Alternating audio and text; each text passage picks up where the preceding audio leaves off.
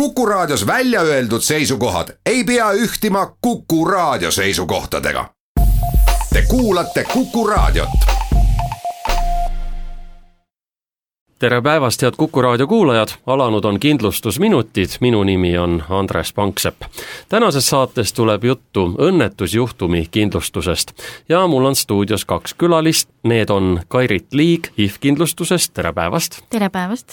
ja Armen Kasparov Gensiidikest, tervist! tervist! no hakkame rääkima, miks peaks tegema õnnetusjuhtumi kindlustuse?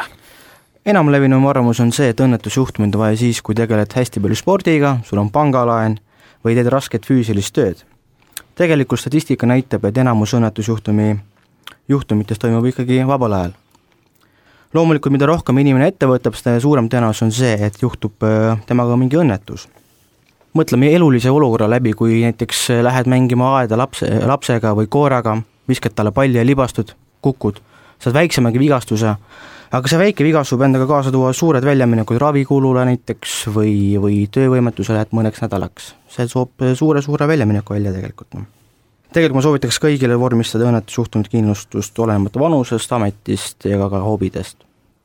õnnetusjuhtumi kindlustus annab äh, kaitse ootamatuste vastu, ehk siis kui juhtuvad õnnetused, mis toovad kaasa äh, töövõime kaotuse või selle ajutise kaotuse, et siis tegelikult see annab võimaluse oma igapäevaelu jätkata sarnaselt siis sellele õnnetusele eelnevale ajale. et on võimalik ka katta oma laenumaksed ja, ja kui juhtub midagi, midagi hullemat, et äh, keegi peaks äh, ka surma saama, siis on võimalik perel, perel jätkata natukene kergemalt no kui me räägime nendest äh, spordivigastustest, mis see teie kogemus ütleb, mis need kõige tavapärasemad traumad on, mille puhul see kindlustus näiteks appi tuleb?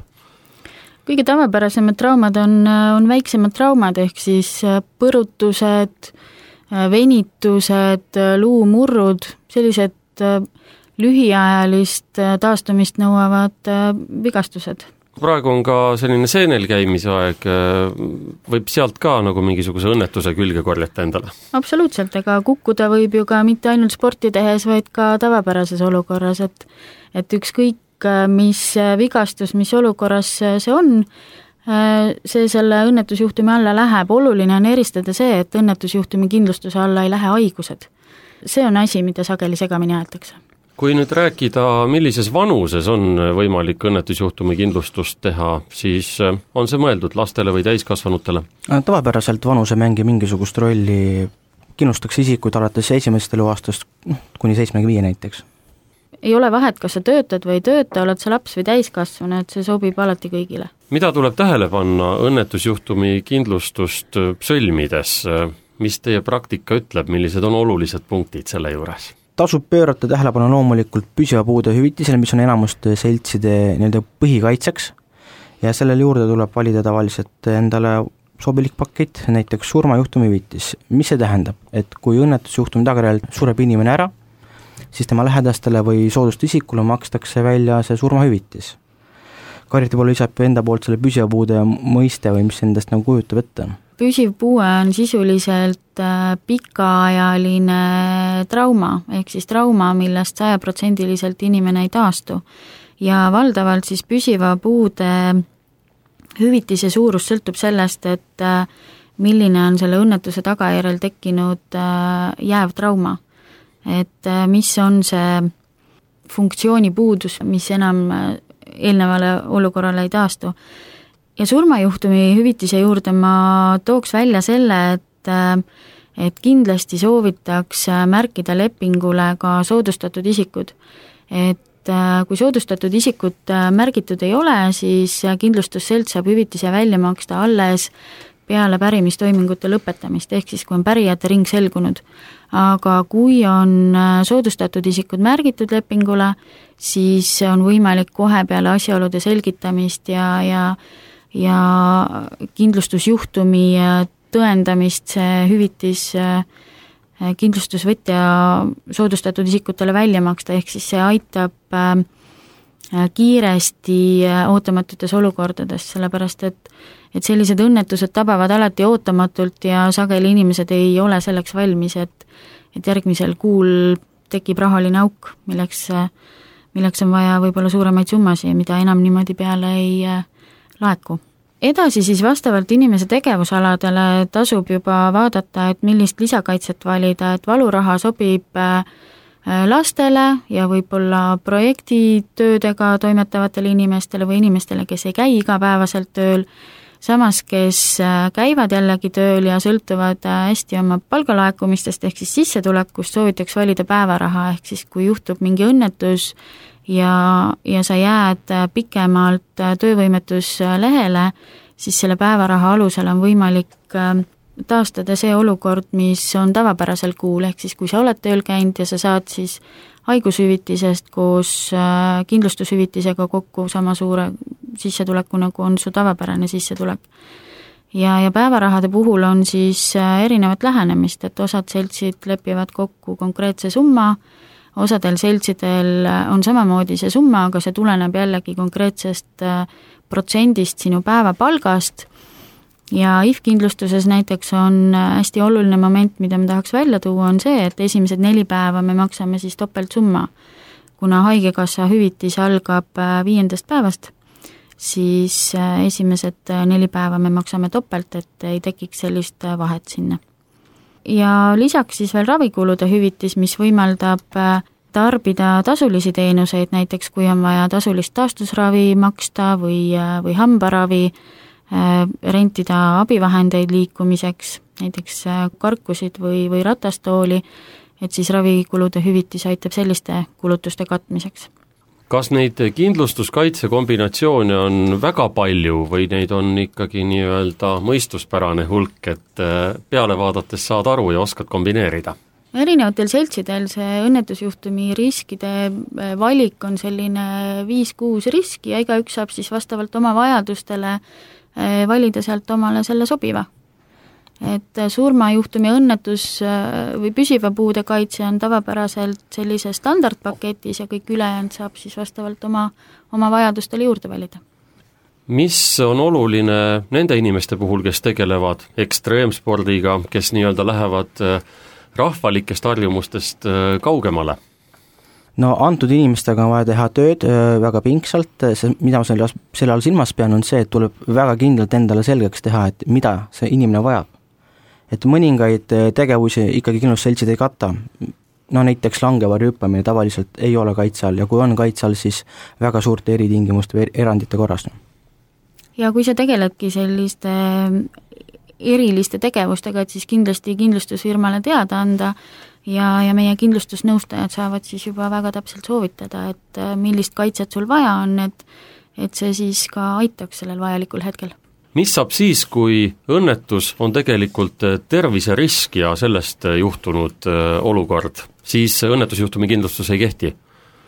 no tavapäraselt õnnetusjuhtumi kindlustust sõlmides tuleb ka oma terviseseisundile natukene kriitilisemalt peale vaadata ja kindlustusseltsile teada anda, kui sul juba on mingid kroonilised haigused, mis võivad sinu äh, tervislikku seisundit mõjutada. kuna me räägime siin ikkagi õnnetusjuhtumist, siis siia alla jäävad õnnetuse tagajärjel tekkinud äh, traumade äh, kaitsed. räägime hindadest ka, kui palju maksab õnnetusjuhtumi kindlustus?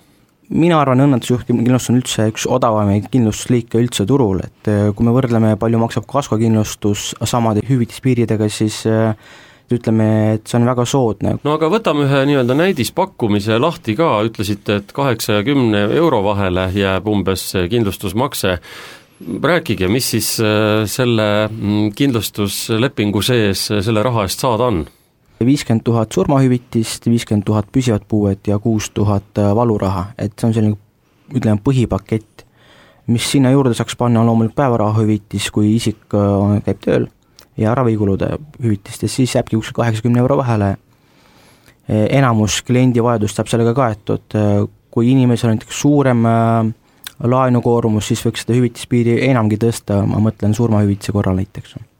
ja need tingimused kehtivad nüüd kindlustatule, kes ei oma riskantseid hobisid ja erilisi töökohti? no ütleme, tavaline kontoritöötaja, kes käib õhtuti jooksmas, kui me näiteks ütleks, et samasugused kaitsed aga ehitustöölisele, siis me paneks sinna kuskil kaksteist eurot kuumakseks, ma arvan. ja mis vanuses see inimene umbes on, kellele me praegu selle näidispakkumise tegime? ma ütlen ausalt, et ega vanusevahet ei ole, kaheksateist kuni seitsekümmend on suht sama hinnaga tegelikult, noh millisel juhul makstakse õnnetusjuhtumi kindlustuse hüvitist, millised on need olukorrad ja teie praktikas äh, juhtunud äh, sündmused? no nagu me juba enne mainisime, siis kõige tihemini esinevad on äh, väiksemad traumad.